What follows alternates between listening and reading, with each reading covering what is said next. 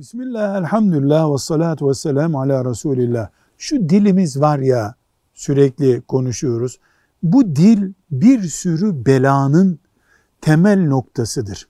Allah'a şirk dille yapılıyor. Allah'tan başkasına dua edip cehenneme girmek dille oluyor.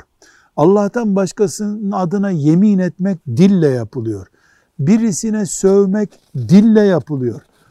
Allah'a karşı haram olacak bir fetvayı bir alim diliyle veriyor. Bir iftira dille yapılıyor. Birisinin onuruna dokunabilecek bir itham dille yapılıyor. Yalan dille konuşuluyor. Gıybet dille konuşuyor, konuşuluyor. Bir sırrı yayma hatası dille işlenebiliyor. Birisine lanet etmek dille yapılıyor.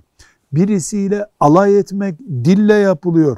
Tartışırken aşırı giden diliyle aşırı gidiyor. Dolayısıyla dil afet merkezi gibidir.